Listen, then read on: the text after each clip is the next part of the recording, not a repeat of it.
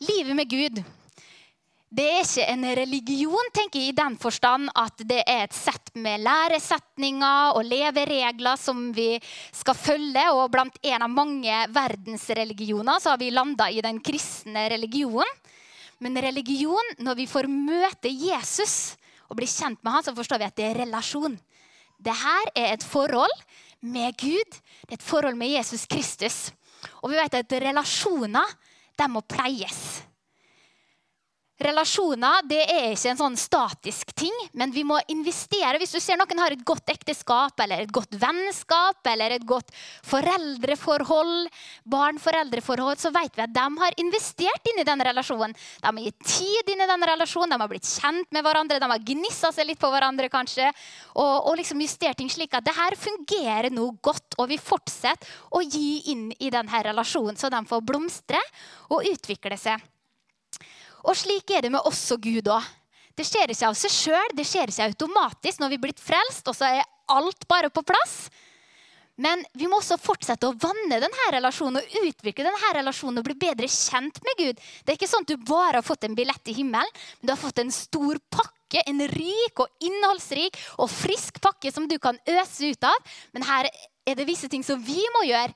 Vi må ta tak. Og jeg kommer til å ta fire grunnleggende punkt det er ingen komplett liste, men det er bare en inspirasjon til oss i vår gudsrelasjon. Og det er ganske selvsagte ting. Ingen store åpenbaringer her i dag. Men en vennlig påminnelse, og kanskje at vi kan være litt selvransakende når vi går gjennom disse punktene. at Hvordan er det med det og med Gud? Og hva kan jeg gjøre for å komme enda mer inn i den friskheten du har, Gud? Eller kanskje vi til og med har stagnert litt og kjenner at her har det blitt tungt og trått så får vi bare renske bort det gamle og få fram det her nye som ligger foran oss. For Gud han gjør noe nytt. Det er noe i et kontinuerlig aspekt. Han gjør hele tida noe nytt. Gud er skapende. Ok, Da kan vi gå på punkt nummer én. Det første for å ha denne vedvarende friske relasjonen med Gud, det er hunger og tørst. Og da har jeg lyst å lese i Matteus evangelium, kapittel 5 og vers 6 her er det Jesus som snakker, og det er disse saligprisningene som er så velkjent. Der står det Salige er de som hungrer og tørster etter rettferdigheten, for de skal bli mettet. Så salig er du hvis du hungrer og tørster etter rettferdighet. Så skal du bli metta.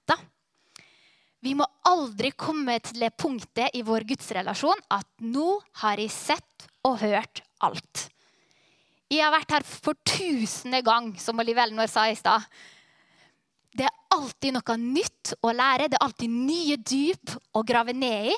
Det er alltid mer hos Gud. Det er noe nytt å høre. De bibelordene som du har lest mange ganger, det er jeg sikker på du har opplevd når du leser Bibelen og bibelvers du har lest om og om igjen. Oi, der så jeg noe helt nytt. Der så jeg et nytt aspekt. Denne boka her er ikke som andre bøker, forresten. Den er levende. Så når du har lest den én gang, så har du ikke lest den ferdig. Så vi må alltid grave videre i Gud. Og det står i 1. Korinterbrev kapittel 2 og vers 10, eller rett før, så står det at det intet menneske har sett, det intet menneske har hørt. Det som ikke kom opp i menneskers hjerte, det har Gud forberedt for den som har elska Han. Og så står det videre det at ånden ransaker Guds dybder. Og på gresk er det et, eh, en ordklasse som ikke vi har på norsk. Det er verb i kontinuerlig form. Det betyr at det er ikke bare noe sånn at jeg går, og så har jeg gått, på en måte, men det er noe som kontinuerlig pågår hele tida. F.eks. når det står i Fesebrevet at 'bli fylt av ånden', så er det brukt det her verbet. Bli fylt kontinuerlig i dag, i morgen, i overmorgen, i over i overmorgen, og du ble fylt i går. Det er ikke noe som skjer én gang hvor du opplevde fylden av Den hellige ånd. Altså, det skjedde i 1986, ble fylt med Den hellige ånd og begynte å tale i tunga. Men hvis vi bare fortsetter å bli fylt med Den hellige ånd. Om og om og om igjen. Når du står opp om morgenen, så skal du bli fylt med Den hellige ånd. Og når du lukker øynene om kvelden og bare tar en siste god natt til Vår Herre, så skal du bli fylt med Den hellige ånd. Og Det samme ser vi her, at mot ånden gransker Guds dybder. Det skjer i et kontinuerlig aspekt. Det har Den hellige ånd gjort fra tidenes begynnelse, og det kommer han til å fortsette med i all evighet. Så Gud går ikke tom for nye ting. Så vi må aldri bli tilfreds i vår gudsrelasjon. Du skal absolutt være fredfull og, og full av Gud og kjenne at jeg, er tilfreds i den forstand. Men ikke i den forstand at jeg har sett og hørt nok. Nå har jeg det. Så det var punkt nummer én. Du må hungre og tørste. Og vi, det var et underpunkt òg der. Da kan vi gå på neste bilde. Her ser vi to matgrupper. Vi ser junk food, og så ser vi Guds godteri, som vi har hørt her. Vi ser grønnsaker og frukt og alt det deilige som fins i naturen. Og jeg veit ikke hva som appellerer mest til det når du ser på det bildet her. Er det den hamburgeren og fries og Coca-Cola? Rekk opp hånda. Nei, ja, Jan Tore han er ærlig og oppriktig her. Vi kan ta botsbenken etter møtet. Eller er det den friske grønnsakeren? Og vet du, kroppen din, når du er skikkelig sulten, da har du lyst på det øverste. Du vil ha junkfood, du vil ha raske karbohydrater. Raske belønninger. Og når du er vant med et sånt kosthold, så er det det kroppen vil ha konstant. Ingenting av de herlige fargene her og de nydelige smakene vil appellere til det. Og hva gjør man da? Når man er så full av junkfood at man ikke har lyst på Guds godteri, da faster man fra junkfood. Du bare stenger av den eh, kanalen. Du går ikke innom Burger King. Eh, du går ikke innom McDonald's. Jan Tore, du stopper ikke på Circle K og kjøper pølse med brød. For det gjør han i busspausene sine, nemlig. Han er sjefen min, og jeg veit hva jeg snakker om. Ja.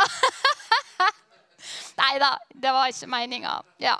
Um, men da stenger man av den kanalen, og så vil man begynne å få appetitt for det som er sunt og godt og riktig å spise. Og når du er vant med å spise det, så lover jeg det, du har ikke lyst på junkfood.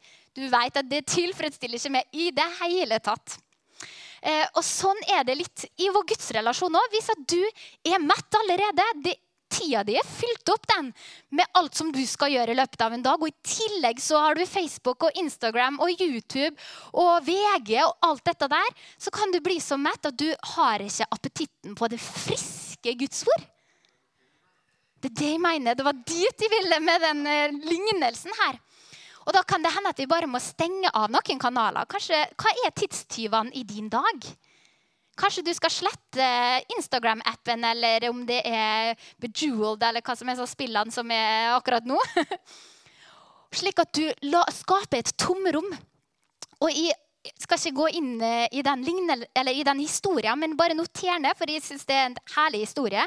Andre kongebok, kapittel 4 og vers 1-7, så står det om profeten Elisha og en enke som kom til Elisha fordi hun eh, hadde mista mannen sin, som var inntektskilden. Og så sto i fare for at hennes to sønner ble solgt som slaver. Og så had, spør Elisha henne hva har du i huset ditt. Og så har hun ei kanne med olje. Og så sier Elisha at hun skal gå rundt og samle tomme kar. Og samle bare ikke for få, sier han. Og når hun har samla tomme kar, så skulle hun stenge døra si, og så skulle hun begynne å fylle i de tomme kar. Og oljen bare rant, og de måtte komme med nye tomme kar. Oljen rant, og nye tomme kar og nye tomme kar. Og så står det at hun sier 'send meg flere tomme kar'. Og så sier jeg vet ikke om det er en av sønnene, men han sier i hvert fall det, det er ikke flere tomme kar. Og så står det at da stanset oljen å renne. Og hvis vi bare bruker det her et, som et bilde på vår relasjon med Gud, da, når det var tomme kar, Så lenge det var tomme kar, så rant oljen. Men når det gikk tomt for tomme kar, da slutta olja å renne. Så det ble ikke tomt for olje, men det var tomt for tomme kar. Og himmelen kommer aldri til å gå tom for olje. Men det er bare opp til jorda å være full av tomme kar.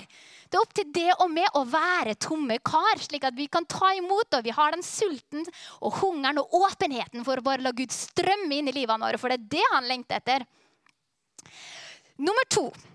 Det andre som vi kan gjøre, og en god vane å opprettholde for å bevare det friske livet i Gud, det er tid i Guds nærhet på jevnlig basis. Vi snakka om dette med at livet med Gud det er ikke en religion, men det er en relasjon. Og relasjoner må pleies og investeres inn i.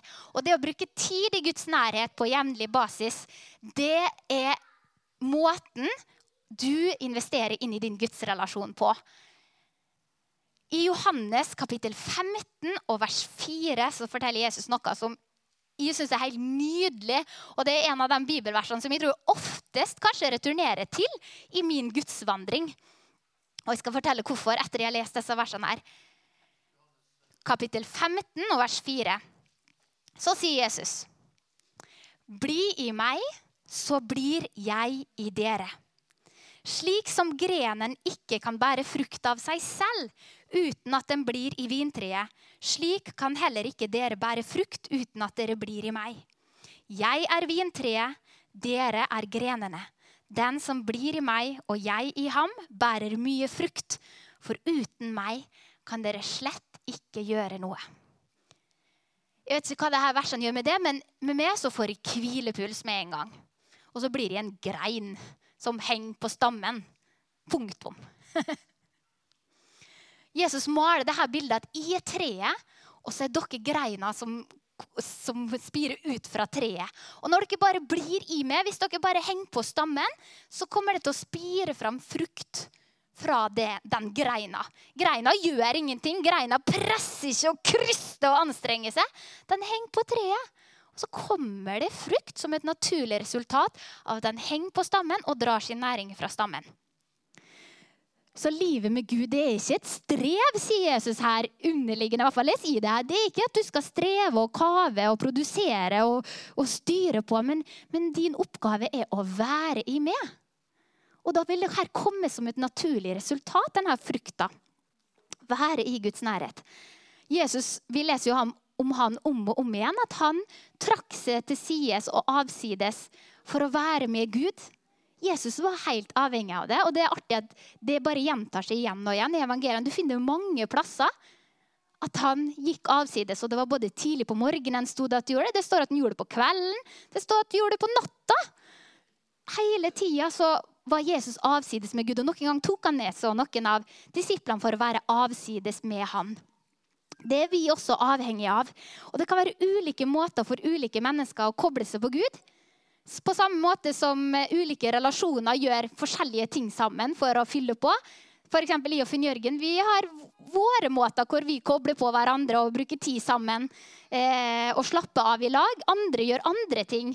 Noen liker å gå tur i fjellet, noen liker å sette på en film, og noen liker å lage mat sammen og kose seg med det. Og, og sånn tror jeg det er med Gud òg. Har, har dere hørt om de fem kjærlighetsspråkene? Tror du Gud kanskje tar det til det på ditt kjærlighetsspråk? Noen for eksempel, har dette med ord er veldig viktig. Og da er det kanskje dette med studie og sette seg ned med Bibelen og granske enkeltord og bøker og sitte der med notatbok og penn. Du ser, Jeg har fram ulike bilder her. Eh, dette med studenten. Altså Noen kjenner at når jeg synger, når jeg står og lovpriser Gud, da kjenner jeg Guds nærvær. Da kjenner jeg at jeg er der hos Gud, og at jeg får fylle på. Det, liksom, det gjør det for meg. Så står kanskje sidemannen og ser på han som står og løfter hender, og tårene triller, og så lurer på hvorfor kjenner jeg ingenting. Nei, men du kanskje kobler på Gud når du går i fjellet og ber. Da kjenner du Guds nærvær. Der er det du kobler på. Der er det du får virkelig påfyll. Eller noen virkelig kjenner Guds nærhet når de står på kjøkkenet og lager mat i kirka. Nok andre igjen blir så Jeg skjønner ikke at du orker å stå på det kjøkkenet og tjene søndag etter søndag, eller hva det enn måtte være på vennetre hver torsdag. Så er du der, eller du har bakt kake. Blir du ikke utslitt? Nei.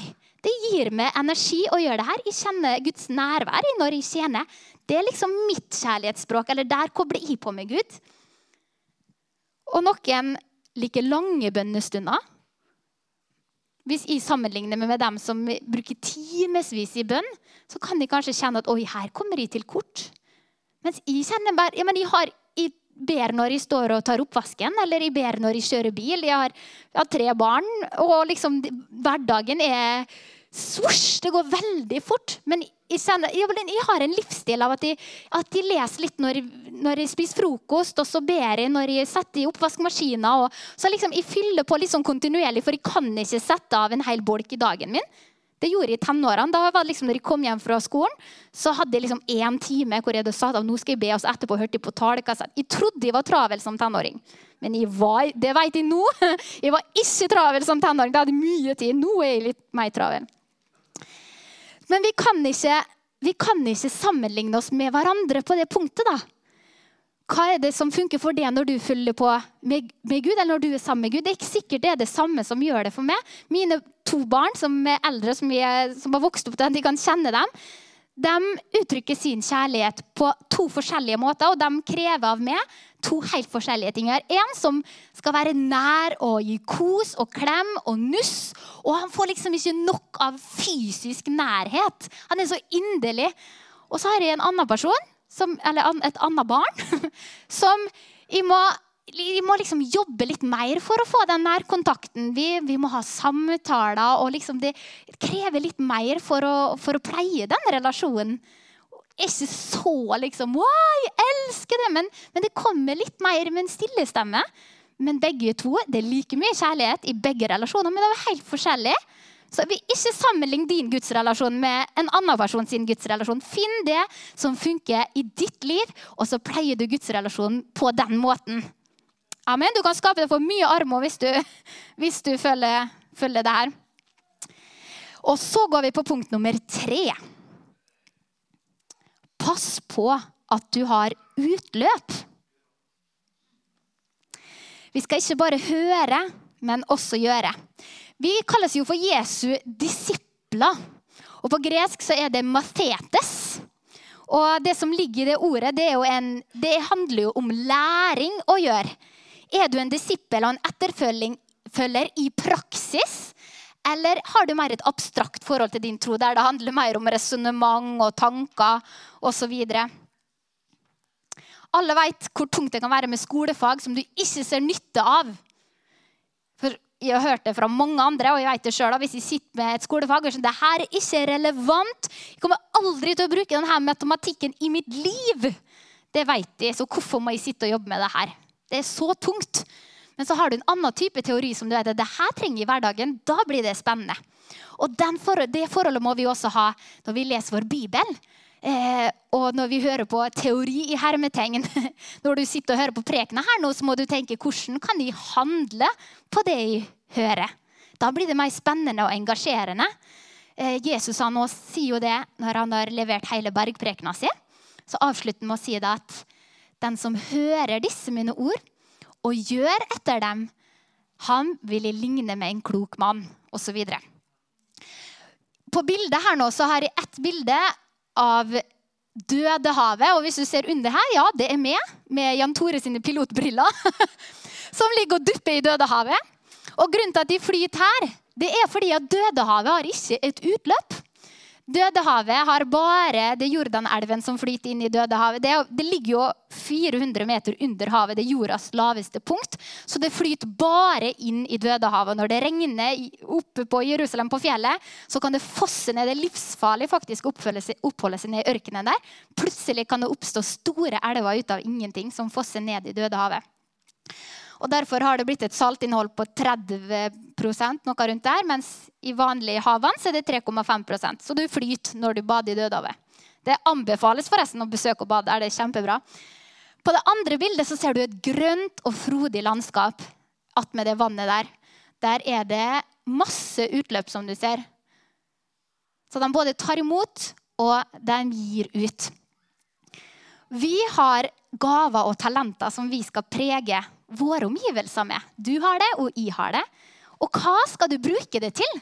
Her må man kanskje gå litt på skattejakt i egen hage, for det er ikke så lett å se de gavene og talentene du har sjøl. Stemmer ikke det? Det er lettere for andre å oppdage det. Kanskje du faktisk skal spørre noen andre. Hva er det jeg sitter inne med som andre kan ha glede av? Kan jeg bake for det? Kan jeg vaske toalett i kirka, eller tale eller synge, eller uansett hva det er, så trenger du å ha et utløp for din Guds tro. Og formidle videre det som du har fått. Gi et ord, gi en oppmuntring. Ikke bare hold Jesus for deg sjøl, men, men du, kan, du, kan, inspirere andre med din Guds tro. Måten Jesus snakker til deg på, kan inspirere en annen. Det står i 1. Peters brev, kapittel 4, vers 10. Tjen hverandre hver og en med den nådegave han har fått som gode forvaltere av Guds nåde. Hvilke nådegaver har du fått? Og Jeg har en historie som jeg ofte fortalt, når jeg deler, men det, jeg synes den er så talende. Det var ei dame som kom til eh, pastoren sin og var så deprimert. Eh, og la ut om sine problemer. Og så sa han det. Du, kan ikke du bake boller? For de driver Dream Center, kanskje du har hørt om det. De driver et stort arbeid der de bl.a. hjelper ungdommer, vanskeligstilte ungdommer som har havna på skråplanet. Tar de dem inn i store senter og, og hjelper dem å få en ny start. Eh, så han spør kan ikke du bake boller for ungdommene på senteret vårt. Og da ble hun fornærma. Eh, og sa ja, jeg får se om jeg har overskudd og orker. Men, men, så, men så uansett så avtaler vi nå en ny time neste uke klokka da og da. Og Så kommer neste uke, og han sitter og venter på. Og hun kommer ikke til timen som de hadde avtalt. Og han tenker nå har jeg fornærma henne ved å be om å bake boller når hun kom og fortalte om at hun hadde et problem med depresjon. Og Så treffer han på henne litt seinere igjen og så spør han nå da, hvordan, eh, vi skulle jo egentlig treffes, hvordan går det med det. Og de sier å du, beklager, det har jeg glemt. Jeg ble så opptatt av å bake boller. Og du, for en berikelse det har vært. Så bare det at hun fikk begynne å gi Det står at den som lesker andre, skal selv bli leska. Så hvis du kjenner deg jeg mangler den friskheten i mitt kristenliv, i mitt gudsliv, kanskje du skal ha et utløp, eller i hvert fall sjekke er det et utløp. Og så skal vi gå på punkt nummer fire, og det her er kjempeviktig. Guds kjærlighet. Og jeg vet ikke om du ser det bildet til høyre der, så er det egentlig bare tre fugler på himmelen. Men det ser ut som et smil. Se det godmodige smilet der på himmelen. Og hva, hvordan tror du Gud ser på det? Du, hvis du skal prøve å sette det i Guds sko, og så skal du se deg sjøl gjennom hans øyne, hva ser du da? Føler du at han rynker på nesa? At han ikke er begeistra helt. Kanskje, ja, Jeg må jo akseptere det som en av mine barn. da, Du er jo tross alt en del av verden, og så høyt har Gud elsket verden at han ga sin Men ja, du er meg, liksom, du er godtatt. Eller er Gud begeistra over det? Ser han på det med gnister i øynene og sier du er fantastisk. Du er mitt barn. Jeg har skapt det. Jeg syns du er Altså, Det er ingen som kan lignes med det. Du er min favoritt. Gud kan faktisk si det til hver og en av sine barn og mene det helhjerta. Jeg kan også si det om mine tre barn. faktisk. At du er min favoritt på ulike måter. Jeg er begeistra over dem selv om de er forskjellige. Og selv om de frustrerer med noe grenseløst. Og det tror vi også trenger å forstå i vår gudsrelasjon. Om vi har gjort noe som er galt, så endrer det ikke Guds innstilling til det en, et grann. Han er like begeistra for det før du gjorde det, som etter du gjorde det. Det er din skam som preger. Plutselig har du satt det sjøl i Du har på en måte, ja, du ser det sjøl gjennom Guds øyne, og så tar du med deg skammen når du ser det sjøl. Men Gud han ser ikke på det med grad av Han føler ingen at du burde skamme deg over noe når han ser på det. Han ser på det i Kristus.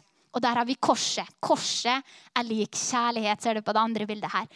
Når Jesus dør på korset, så dør han en stedfortredende død. Og Det betyr at han tar det bort. For du hadde jo fortjent den straffa som Jesus tok. Vi alle hadde det pga. synden. Men så står det mens vi enda var syndere, så valgte han å dø for oss. Så han tar det bort fra korset, og så setter han seg sjøl på korset i vårt sted. Tar på seg straffa, tar på seg skammen og skylda og alt det elendige. Og så setter han det i hans sted. Hellig, rein, rettferdig og himmelen verdig. Der står vi i Kristus, og der ser Gud oss. Så Gud er begeistra for det. Og det er så viktig at vi får ta all form av skam og dårlig samvittighet ut av vår gudsrelasjon. For det vil ta kvelertak på denne friskheten i Gud om du går med bøyd hode og føler at 'jeg er ikke verdig'. I Hebreerne 4 så står det at vi skal med frimodighet komme fram for Guds trone og få hjelp og nåde i den tid som vi trenger det. Vi må aldri la synd og ting vi har gjort, eller et lavt sjølbilde Kanskje du ikke engang har gjort noe galt, men du bare går og føler på hele tida at det er noe med meg som ikke er på plass. Det må du få bort. For du er på plass. Du er rettferdig i Kristus Jesus. Og Gud ser det på den måten. Han elsker det. Og da vil jeg bare lese to bibelvers på det. Og da skal vi tilbake i Johannes kapittel 14 og vers 9. Nei, unnskyld, kapittel 15. Og her står det noe grensesprengende. Jeg tror ikke du kommer til å forstå det. Jeg er ikke sikkert du forstår det med en gang du leser det, men bare, vi må bare, Jeg forstår det ikke, men vi må bare la det her surre i hodene våre. Slik som min far har elsket meg. Altså Sånn som Gud har elska Jesus. Vi kan se for oss Gud er begeistra for Jesus. Det er ganske lett å se for seg. Når, Gud sier, når Jesus kommer opp av eh, dåpsvannet og Gud sier at 'det her er min elskede sønn', i han har i velbehag, da er det lett å tro på de ordene der. 15 vers 9. Slik som min far har elsket meg, sier Jesus, på samme måten har også jeg elsket dere. Bli i min kjærlighet. Så på samme måte som Gud har elska Jesus, elsker Jesus oss. OK? Og så hopper vi bare ei side fram.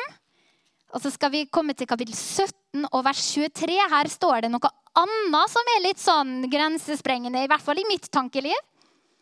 Vi leser kapittel 17 og vers 23. Her er det Jesus som ber. Han snakker til Gud. Ja, Vi må nesten ta fra vers 22 for å få sammenhengen der. Og den herlighet som du ga meg, har jeg gitt dem, så de skal være ett, slik som vi er ett.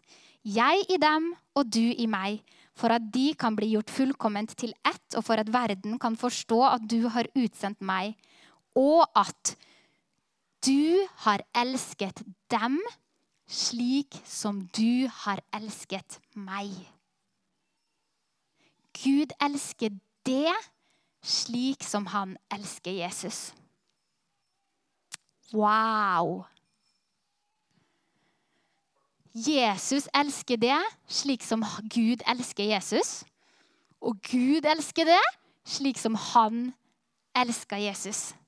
Like mye som han elsker Jesus, like intenst som han elsker Jesus, med like stort engasjement som han elsker Jesus, elsker han det.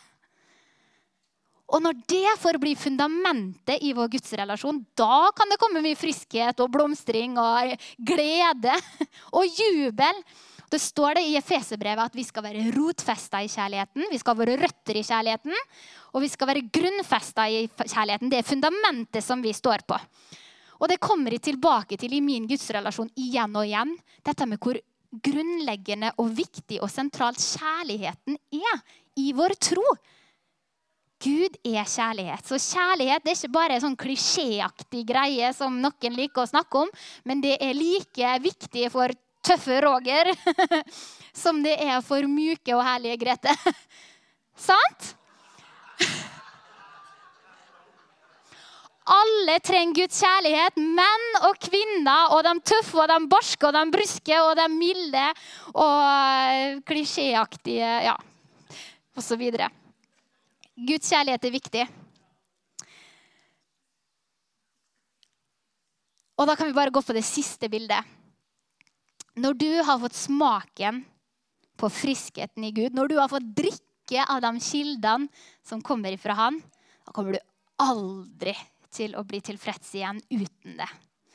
Du blir som en narkoman som bare Du må ha den fiksen, altså. Ikke at jeg har erfaring med det, men jeg kan tenke meg at det blir en sånn. Man får abstinens da, sant?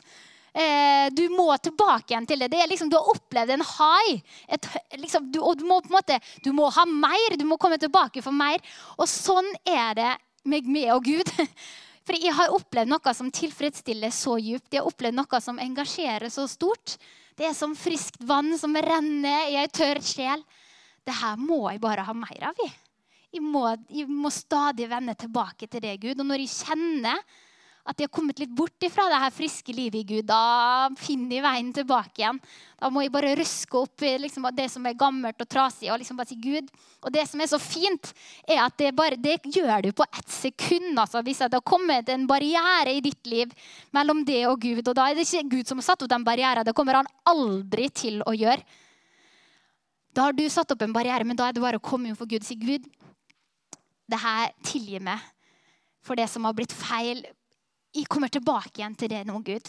Jeg vil være nær deg. Takk for at du er her. Og det står i Jakob kapittel 4 og vers 8 så står det det at Hold dere nær Gud, så vil Han holde seg nær dere.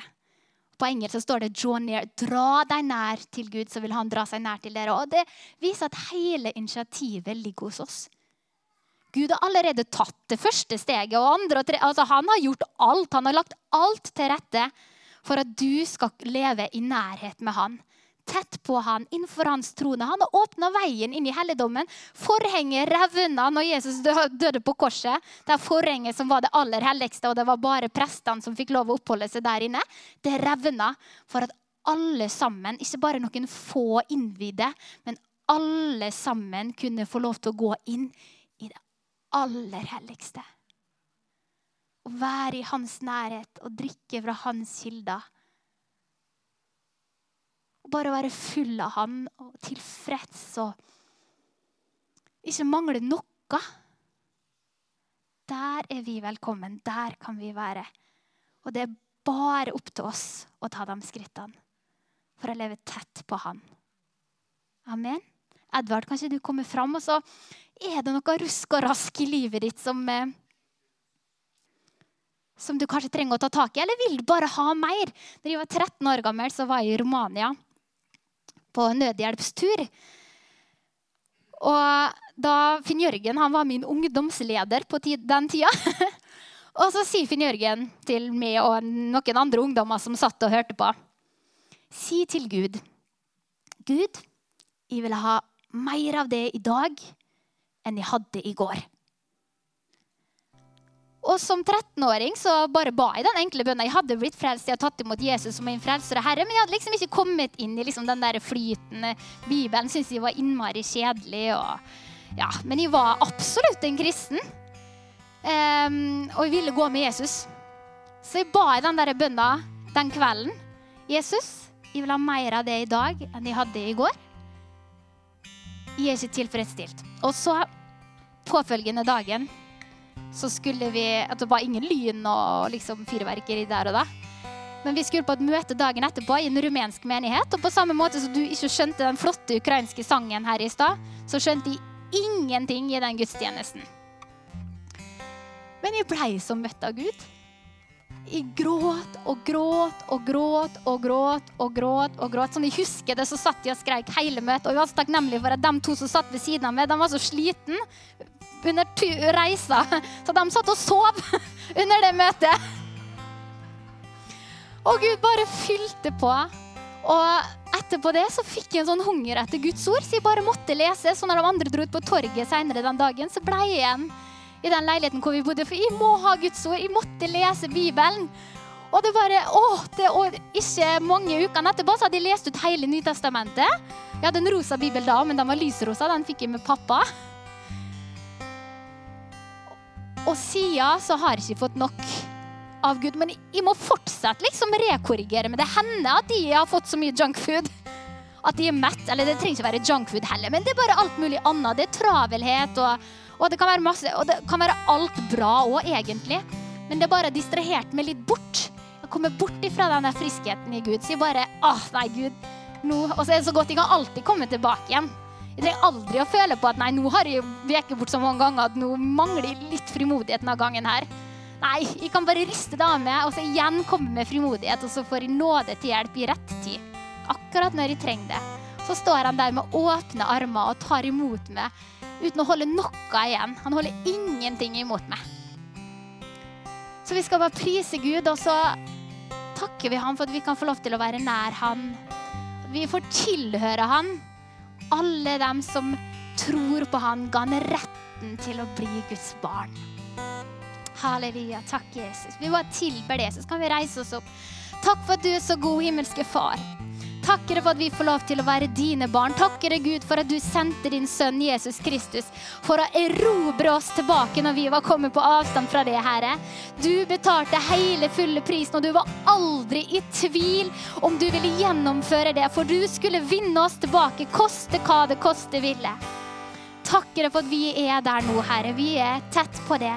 Vi som før var langt borte, vi har nå fått kommet nær ved Jesu blod. Tusen, tusen takk, Herre. Vi elsker deg av hele våre hjerter. Halleluja. Takk, Jesus.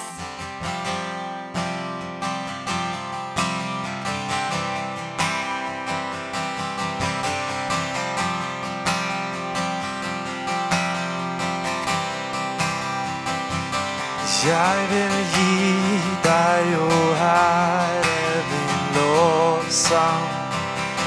Jeg vil takke deg med mine ord.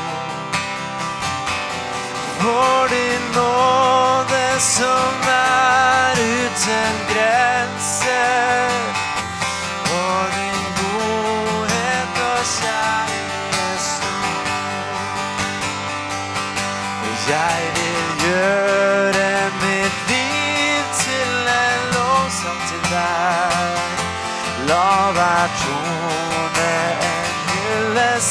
Deg være. Og i dager med glede og dager med sorg vil jeg leve hver dag til din ære.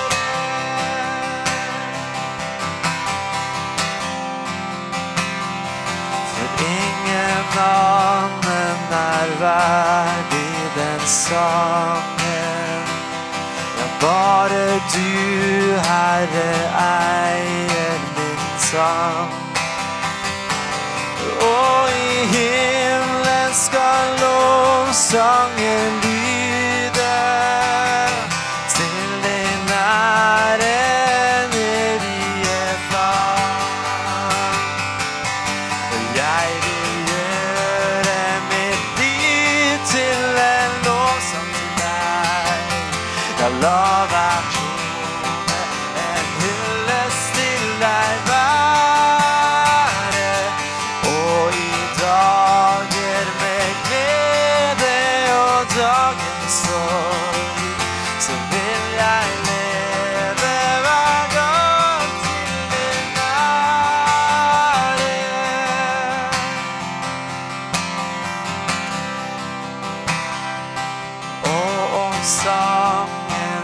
iblant skulle stille og forstyrres av uro og strid. Herre, åpne på ny mine øyne, så jeg ser at hos deg er min